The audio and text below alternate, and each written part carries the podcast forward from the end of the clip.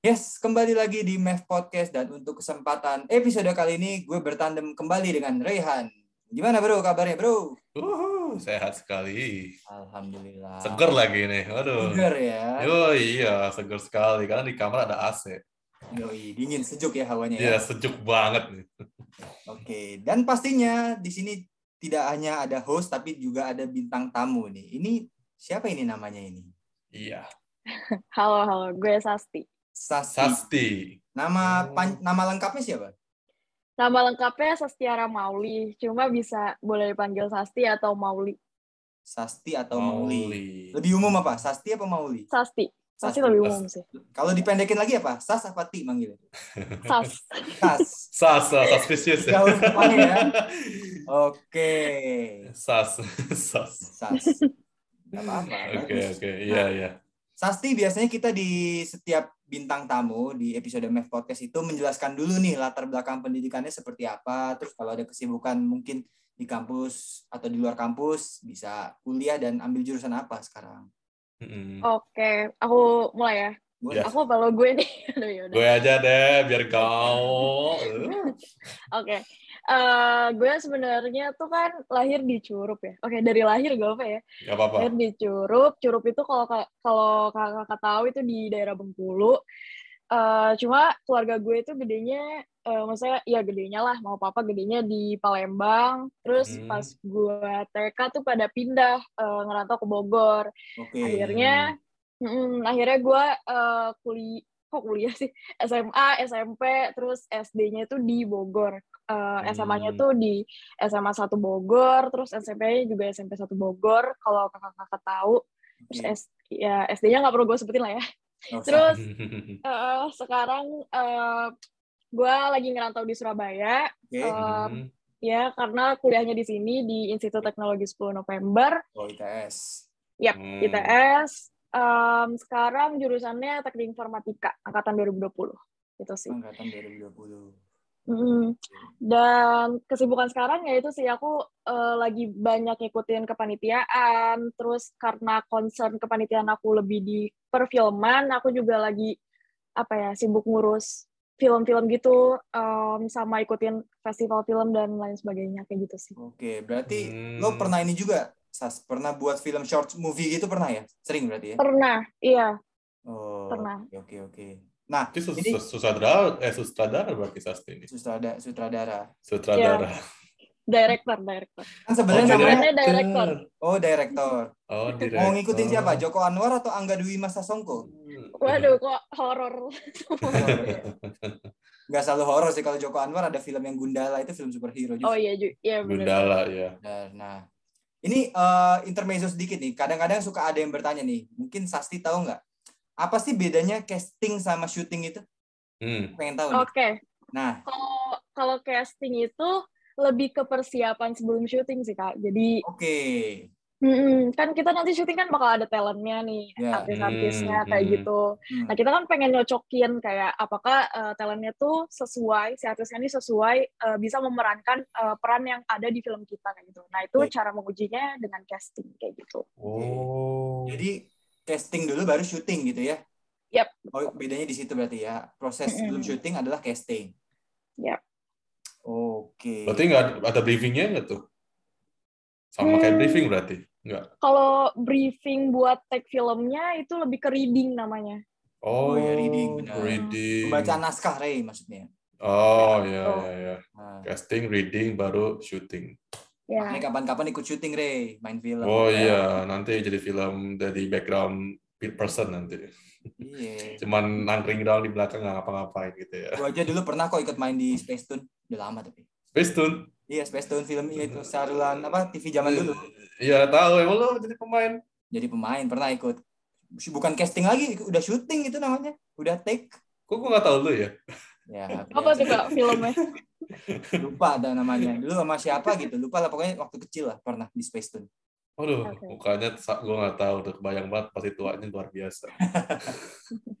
Oke. Nah, ini sebenarnya kita di episode ini sebenarnya ngomongin karena sesuai nih dengan Sasti ini kita ngomongin yang berbau-bau film nih. Nah, tapi Yes. apakah adegan-adegan di film itu pada kenyataannya iya atau masih bisa diperdebatkan atau ah kenyataannya nggak kayak gitu. Nah, tapi sebelum lebih dalam ke sana, gue pengen nanya nih, Sas. Lu pernah nggak sih nonton sebuah film gitu adegannya? Terus ternyata setelah itu lu berpikir atau lu merasakan, wah ini kejadiannya pernah gue alami nih di hidup lu. Hmm. Nah, hmm, hmm. Hmm, pernah sih. Apa tuh? Pernah. Apa di film apa? Eh di film ini sih, kalau kakak tahu tuh em, yang lagi hit tahun berapa ya? 2000, kayaknya udah 2022 deh. Kukira kau rumah, tahu kan? ya? Oh, tahu filmnya Prilly ya? Iya, filmnya Kaprilly sama satu lagi siapa ya aktornya? Nah, iya kayaknya itu deh. Oke. Itu aku relate karena itu kan tentang ini ya, ada menyangkut pautkan tentang mental health sama mental illness. Iya. Hmm. Um, terus kebet- kebetulan aku punya mental illness yang emang uh, sama uh, yang yang diangkat di filmnya Caprilli itu gitu. Oke. Penyakit apa tuh, Sasti? Eh, ini sih eh, kemarin itu eh enggak kemarin sih. Eh, beberapa tahun yang lalu tuh pas aku SMA tuh aku sempat ke psikiater terus emang udah eh, pernah didiagnos eh, bipolar, bukan bipolar, eh, borderline personality disorder. Cuma emang mirip sama bipolar kayak gitu. Kalau misalkan di filmnya itu kan yang diangkat itu penyakit bukan penyakit ya namanya kayak mental illness-nya itu gangguan kepribadiannya itu eh, Hmm. bipolar disorder kayak gitu. Hmm. Oke. Ya, ya, ya, ya. Oke. Nah, lo kan tadi ngomongin soal film yang kukira apa, kau di rumah itu ya, filmnya Prilly tadi kan. Kira, Kukira kau rumah Hmm. Eh, kukira, Kukira kau, kau-. Maaf, maaf, maaf. Kukira kau di rumah. Kukira kau di rumah nanyain kabar dong. Kukira Iya kau. Lu ngapain buru-buru? Iya, di film itu kan Sasti tadi mention bahwa film itu tentang yang si jadi ceritanya si cowoknya itu berhubungan dengan si Prilly-nya itu ya. Nah, ternyata setelah diketahui lebih dalam, setelah berhubungan berapa lama, ternyata baru sadar si ceweknya ini mengalami yang tadi yang Sasti sudah sebutkan, bipolar itu. Nah, justru malah dari bipolarnya itu si cowoknya malah makin sayang dan merasa bahwa nih cewek bisa nih makin mengisi hidup-hidup gue. Nah, kayak gitu. Nah, Hmm. Nah, menurut Sasti, apakah film itu benar-benar mencerminkan apakah memang benar-benar sangat bermakna sedalam itu film itu bagi Hmm. orang lain dan termasuk Sasti pasti. Hmm, iya sih kak. Soalnya gini, em, kita itu sebagai orang yang punya mental illness kan mungkin kayak apa ya susah gitu buat nyari yang film yang relate gitu sama kehidupan kita. Terus em, kita juga kadang tuh suka kayak struggling yang kayak apa namanya kayaknya gak semua orang tuh bisa nerima kita kayak gitu. Tapi dengan adanya film ini itu orang-orang mungkin yang dengan mental illness saya bisa bisa lihat mungkin ada uh, change atau kesempatan buat uh, seorang tuh buat menerima kita yang kayak gini. Apalagi di setiap adegan yang ada di film Kukira Kau Rumah itu bener-bener uh, menurut aku kalau dari pengalaman aku pribadi ya itu banyak adegan yang emang mirip gitu uh, dengan yang pernah uh, aku alami. Dan aku di sana ngelihat kayak oh ternyata kalau misalkan um, suatu saat uh, kejadian ini terjadi lagi di aku bisa jadi nanti ada ada seseorang yang bisa ngerti dan bisa ngehandle kejadian Hmm. ini gitu Hmm. mungkin di masa lalu pada saat kejadian itu terjadi di aku mungkin uh, pada saat itu belum ada penyelesaiannya tapi mungkin suatu saat uh, itu film itu tuh memberikan aku harapan kalau suatu saat mungkin itu ada uh, solusinya kayak gitu Hmm. Oke. Wah, jadi berat pembahasannya jadi berat nih ya. Oh, nggak apa-apa. Santai, santai. Nggak apa-apa. Emang kalau bisa lebih berat lagi kita. Wih. Tapi lebih berat rindu sih kayaknya. iya Makanya cukup bilang aja. Iya, iya. Cukup bilang. Nah, selain film itu tadi ada juga film yang 5cm. Nah, 5cm Hmm. ya mungkin ada nggak sih yang nggak nonton 5cm tuh?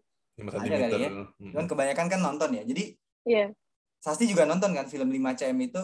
Eh, jadi sebenarnya kan kisah pertemanan lima orang ya. Dan di mana ada satu momen, satu scene gitu di mana mereka memutuskan si Gentanya itu kan yang memutuskan bahwa kita misah aja dulu nih. Nanti beberapa bulan setelahnya gue kasih apa namanya surprise lah kita mau ke mana gitu kan nah kalau dari Sasti bisa nggak sih memisahkan diri dari kelompok terutama circle terdekat gitu untuk urusan masing-masing mereka menyelesaikan dulu masing-masing misalkan Sasti punya eh, apa ya empat teman yang gak satu kampus nih tapi teman SMA Sasti semua tapi sampai sekarang Sasti deket nih lima berlima itu deket nih teman SMA-nya. Nah, da- berarti kan satu angkatan tuh ya, asumsinya satu angkatan dan nah, Sasti pernah mengalami kayak oke masing-masing kita fokus buat tesis eh tesis tesis mah kampus kita ya maksudnya skripsi buat skripsi.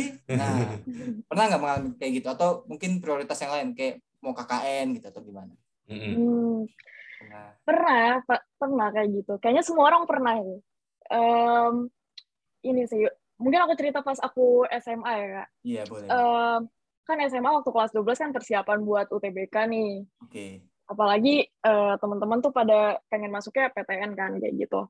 Hmm. Em, jadi yang tadinya aku sama beberapa sebenarnya bukan circle sih bukan apa ya kayak misalkan kelompok empat orang atau berapa tapi lebih ke yang kayak teman-teman yang biasanya tuh di mana-mana pasti nongkrong gitu loh kayak Hmm. pulang sekolah segala macem kayak gitu Mm. terus juga eh, dulu tuh aku masih yang bucin kayak karena bucinnya udah tiga tahun terus jadinya kayak nongkrong 24 per 7 sama dia kayak gitu kan Oh, jadinya oke. Eh, cuma karena kita sama-sama udah eh, kelas 12 kayak gitu eh, jadi kita mikir gitu kayaknya nggak bisa deh kayak gini terus gitu Oke. masa kita eh, walaupun kita udah berusaha gitu kayak misalkan ketemu tuh buat belajar eh, kelas 12 ini lebih buat belajar bukan lebih buat bucin atau kayak ngobrol-ngobrol eh, kayak biasa kita nongkrong sama teman-teman gitu. Tapi tetap aja pasti ada nggak fokusnya dan ujung-ujungnya kayak malah jadi main atau malas-malesan atau ngeluh atau gimana. Jadi ya udah pada saat itu kita memutuskan untuk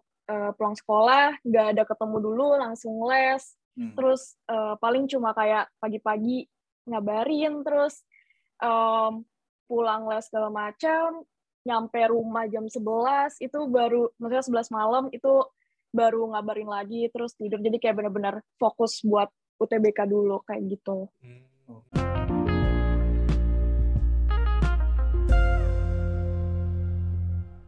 Eh, jadi ini sih ada salah satu ini aku baru nonton gitu kak kayak Oke. eh, series American TV series gitu judulnya Mm. eh, Euphoria Mm. sebenarnya eh, apa ya ini tuh harusnya ditonton sama orang yang emang udah ini sih udah udah dewasa lah gitu maksudnya bukan yang underage kayak gitu Padahal Oh. di itunya sih enggak. ya saya kurang tahu lah ya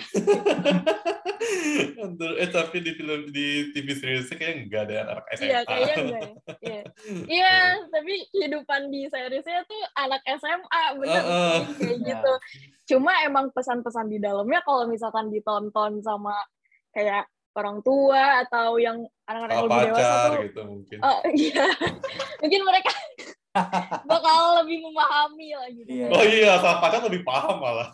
Oke, gitu.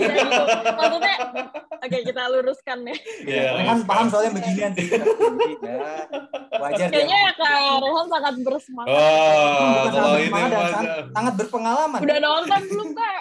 apa Euphoria? Oh, tahu sekilas lah. Tapi Oh, kalau sekilas, bisa oke. bilang ya kalau dibilang sama keluarga kayaknya kalau di sini agak Hmm, kurang gitu ya. Iya, kurang, Kurang, ya, iya, kurang. kurang, kurang, Kurang. kurang klop ya. Iya. Jadi kalau untuk sama pacar oke lah, kan bisa dipraktek nanti. Sorry. Anyway, gimana Sas? Oke, ya udah mungkin ya Kak Nadif juga bisa geleng-geleng dong. Iya. Karena dia udah biasa. Em, ya udah intinya si Euphoria ini kan ngebahas kayak how teenagers struggle with their Yes. life gitu kan. Hmm. Iya. itu eh, kalau di filmnya tuh ada tentang depression ya balik lagi lah ya aku selalu excited sama yang namanya mental Iya. health kayak gitu Aha.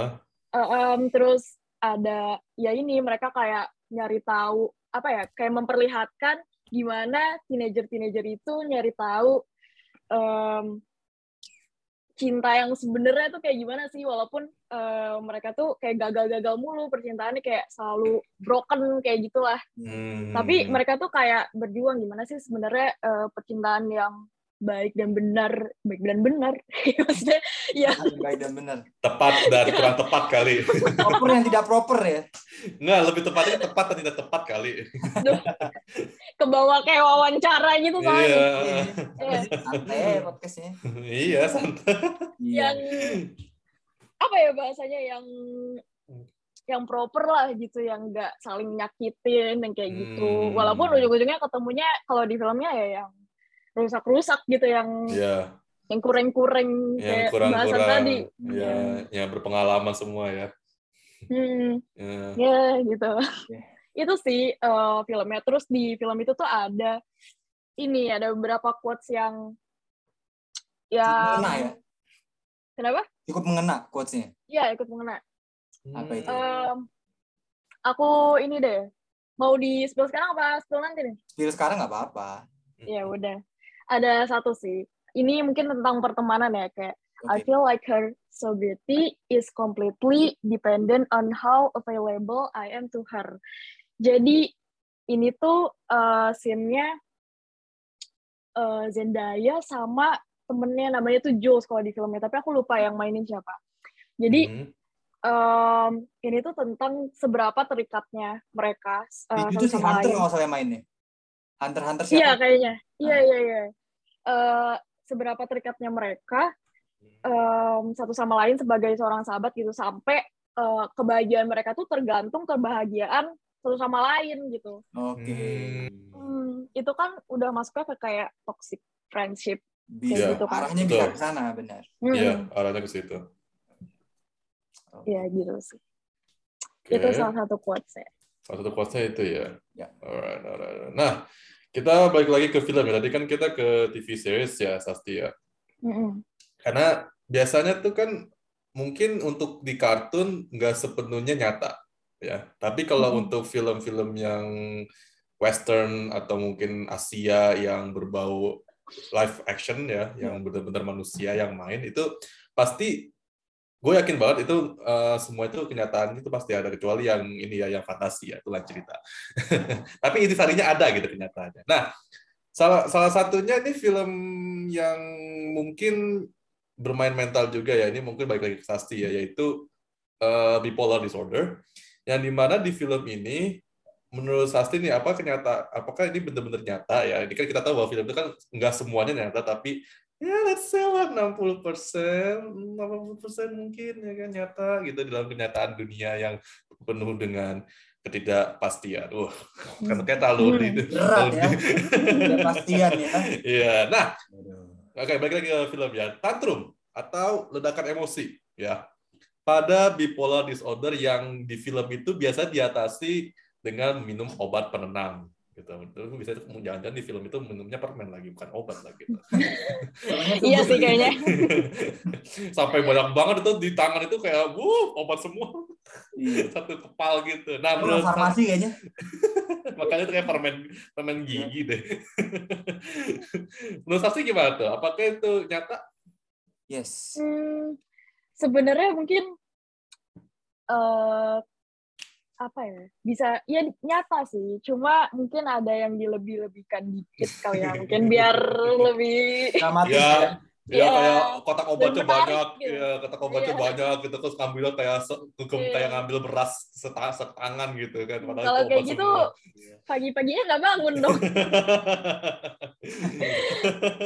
Iya iya iya. Iya, jadi sebenarnya bener sih. Maksudnya eh, kalau misalkan kita eh, ke ke yang profesional juga ke psikiater gitu kayak kalau Hmm. misalkan orang dengan mental illness itu kalau misalkan mereka ada kecenderungan kecenderungan apa panic attack kayak gitu itu mungkin Panic panic, attack. attack-nya ya Hmm. bagian apa ya bagian dari bipolar disorder itu biasanya mereka suka ada tantrum panic attack kayak gitu itu bisa diatasi dengan obat-obatan Hmm. cuma eh, gak gak selalu harus obat-obatan gitu jadi harus ada hal-hal yang mendukung kayak misalkan eh, cara mereka ngerelaksasi badan mereka gimana gitu karena Hmm. kalau cuma bergantung sama obat doang kan agak gak baik dan maksudnya efeknya tuh gak langsung kan gitu Iya, betul. Mm, kalau misalkan nunggu dan bisa jadi kalau misalkan eh, cuma bergantung sama obat itu mereka harus eh, bukan harus apa em, kayak malah jadi apa ya melebih-lebihkan obatnya kayak yang di film-film tuh kayak mungkin misalkan ah, kayaknya satu satu tablet gak cukup gitu terus kayak nambah lagi nambah lagi nambah lagi terus malah ujung-ujungnya overdosis Ya overdose ya. ya overdose kayak gitu itu Ah. sih em, Oh. Ya. Jadi ketahuan tuh berarti yang dia make up minum tuh permen berarti.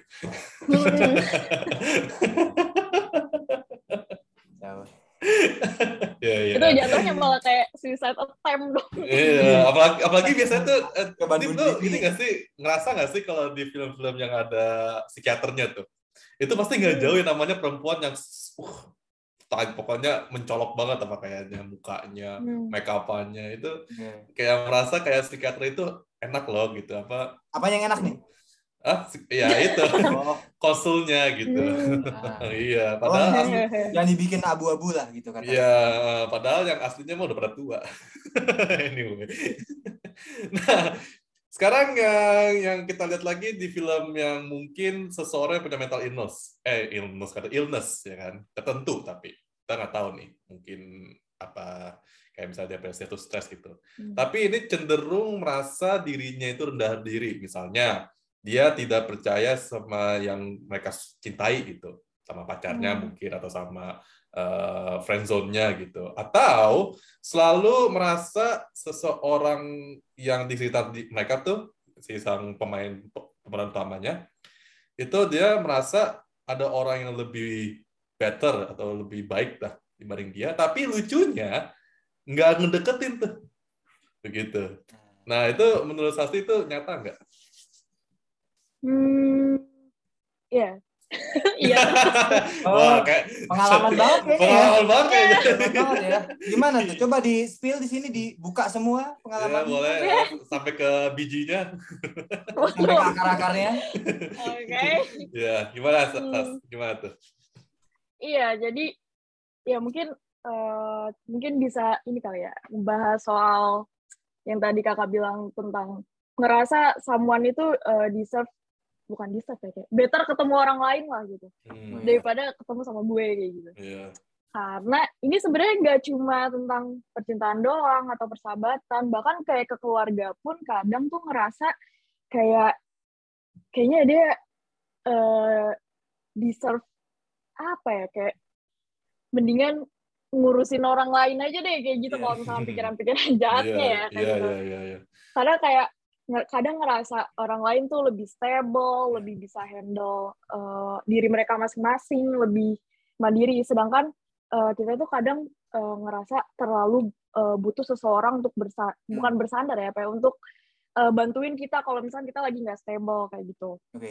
Hmm, Oke. Hmm, dan kalau misalkan di relationship itu kan kayak nggak nggak semua orang bisa eh, menerima keunstablean seseorang gitu loh Oke. ah. kalau misalkan Iya. ini ya kalau misalkan nggak negatif sih emang faktanya kayak gitu ya eh, kayaknya wow, udah pasti berarti ya. heeh. eh, udah pasti nggak tahu sih Berarti Tapi itu ini, Ya. oh, sorry sebentar, out of topic. Eh, Sasti tahu Hmm. nggak eh, bahwa ada eh, apa namanya istilahnya ya? Pasti di keluarga nggak setiap keluarga sih. Cuman kamu Hmm. pernah dengar nggak sih cerita bahwa misalkan aku sama apa, gue sama lu sepupuan nih ya. Hmm, Yep. Terus eh, gue punya adik. Nah, adik gue kan sepupu Hmm. juga kan berarti. hmm, Nah, Hmm. adik gue misalkan mau nikahan nih. hmm. Cuman Hmm. gue bilang ke adik gue, eh si Sasti itu nggak usah diundang lah ke, ke pernikahan kamu gitu. Karena Hmm. misalkan dia kayak miskin, kayak misalkan terbelakang atau mungkin Oh, iya, apa iya. gitu. Terus? Pasti pernah dengar cerita kayak gitu nggak? Nggak mau apa keluarga sendiri nggak mau ngundang yang sebenarnya cukup dekat karena ya mungkin faktor ekonomi, faktor disabilitas Hmm. gitu. Pernah dengar ada pengalaman kayak gitu nggak? Itu kalau Iya, gua Jahat sih kalau kata gue ya. kalau enggak itu kalau Iya, gua lihat jahat. itu lebih ke sinetron bukan Div? Tapi kenyataan juga ada Iya. gitu, Rey. Jadi sorry nih, misalkan eh, FTV. maaf maaf aja nih ya. Heeh. Eh, jadi ada salah satu teman gue kita nggak usah sebut nama ya. Ternyata eh, ibunya itu punya saudara banyak lah, kandung itu banyak. Cuman yang dia sering cerita adalah adiknya karena adiknya sukses dan kuliah di mana gitu. Jadi pokoknya ceritanya Oh. adiknya terus. Nah, ternyata ada adiknya itu karena yang lainnya mungkin secara ekonomi jauh gitu di bawah. Nah, nggak Hmm, pernah ceritain bahkan nggak dianggap gitu. Nah, nggak tahu dari Sasti pernah ada cerita kayak gitu nggak? hmm. kurang lebih sama.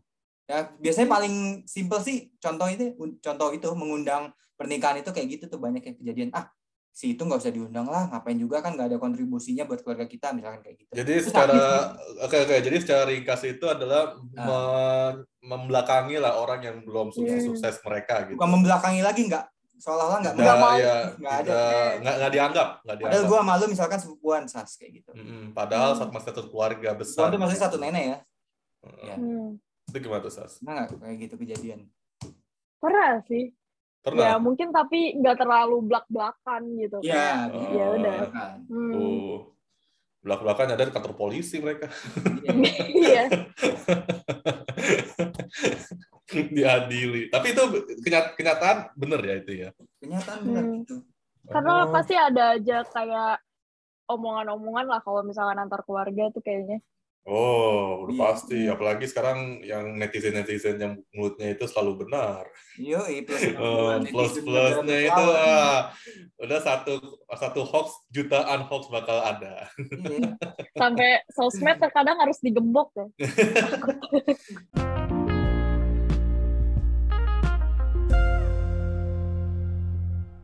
Oke, Oke, Sasti sebelum kita tutup di podcast hari ini kita ada namanya promo media sosial. Itu udah pasti, itu udah wajib hukumnya di undang-undang uh, Map Podcast ya. Undang-undang. Untuk setiap bintang tamu. ya. Iya, untuk yang sudah ini sebagai rasa terima kasih aja Sasti karena sudah Oke. menerima uh, undangan kita lewat sosial media. Jadi boleh Aku dong. juga makasih. Yes, Instagramnya apa Sasti kalau boleh tahu? Eh Maulisas, I-nya dua. Maulisas. Maulisas. Dua. Hmm, at. Maulisas. Oh, Mauli. Dua. Sas. Hmm, Sasnya pakai A apa pakai U nih?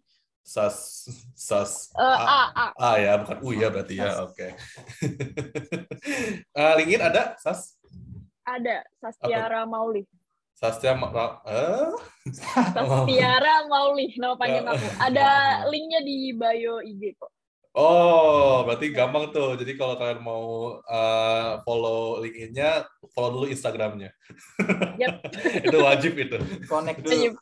Iya. Connect Mungkin dulu. mungkin Facebook, Twitter atau apa pun gitu ada nggak? Hmm, gak main sih. Nggak main ya? Iya sih udah nggak zaman. Hmm, sosmednya cuma buat portofolio. Oh gitu. Berarti Iya. Instagram juga portofolio juga gitu. Enggak sih, ada ya ada foto foto sama teman, foto sendiri. Cuma maksudnya kalau yang kayak TikTok gitu-gitu, kayaknya masih kurang buat ngupload eh, portofolio aku gitu. Jadi Oh. belum main gitu. Belum Tapi main. padahal TikTok bagus ya. Maksudnya Iya. buat Sekarang TikTok Iya. prospeknya bagus karena kan bisa menarik Hmm. lebih banyak viewers ya kalau nggak salah ya. Melihat. Iya. uh, Hmm. uh. Bisa kan juga. coba deh guys. uh, uh, boleh lah. Ntar bisa juga kok uh, lu buka TikTok buat Ya, membuka tapi jangan jadi bagaimana pagoy juga sih. Enggak, enggak. Jadi misalnya meng- meng- mengajari bagaimana jadi direktur yang baik gitu, direktur film gitu kan bisa atau enggak mau Iya, jadi bisa peran bisa. aktor, aktris gitu kan, joget Iya. joget sinden gitu. Kan, Siapa namanya? Dian Sasti Wadoyo ya?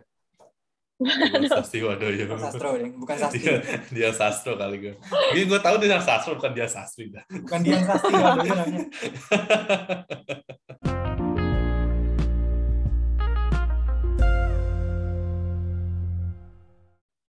Oke Sasti, terima kasih banyak sudah mau mampir di Mev Podcast nih ya. Ini privilege banget nih ada calon sutradara nih ya. Amin. Amin. Amin. Mev Podcast ini dan mudah-mudahan bagi para pendengar Mev Podcast penjelasan dari Sasti dan juga dari gue sama Ray bisa mengena nih ya di kehidupan kalian bahwa ya yang adegan-adegan di film itu bisa jadi nyata, bisa jadi ya belum tentu benar adanya gitu ya. Dan untuk para pendengar Mev Podcast Sampai di sini dulu episode bareng Sasti dan ditunggu episode-episode menarik selanjutnya. See you guys. Bye-bye. Bye. -bye. Bye. Bye.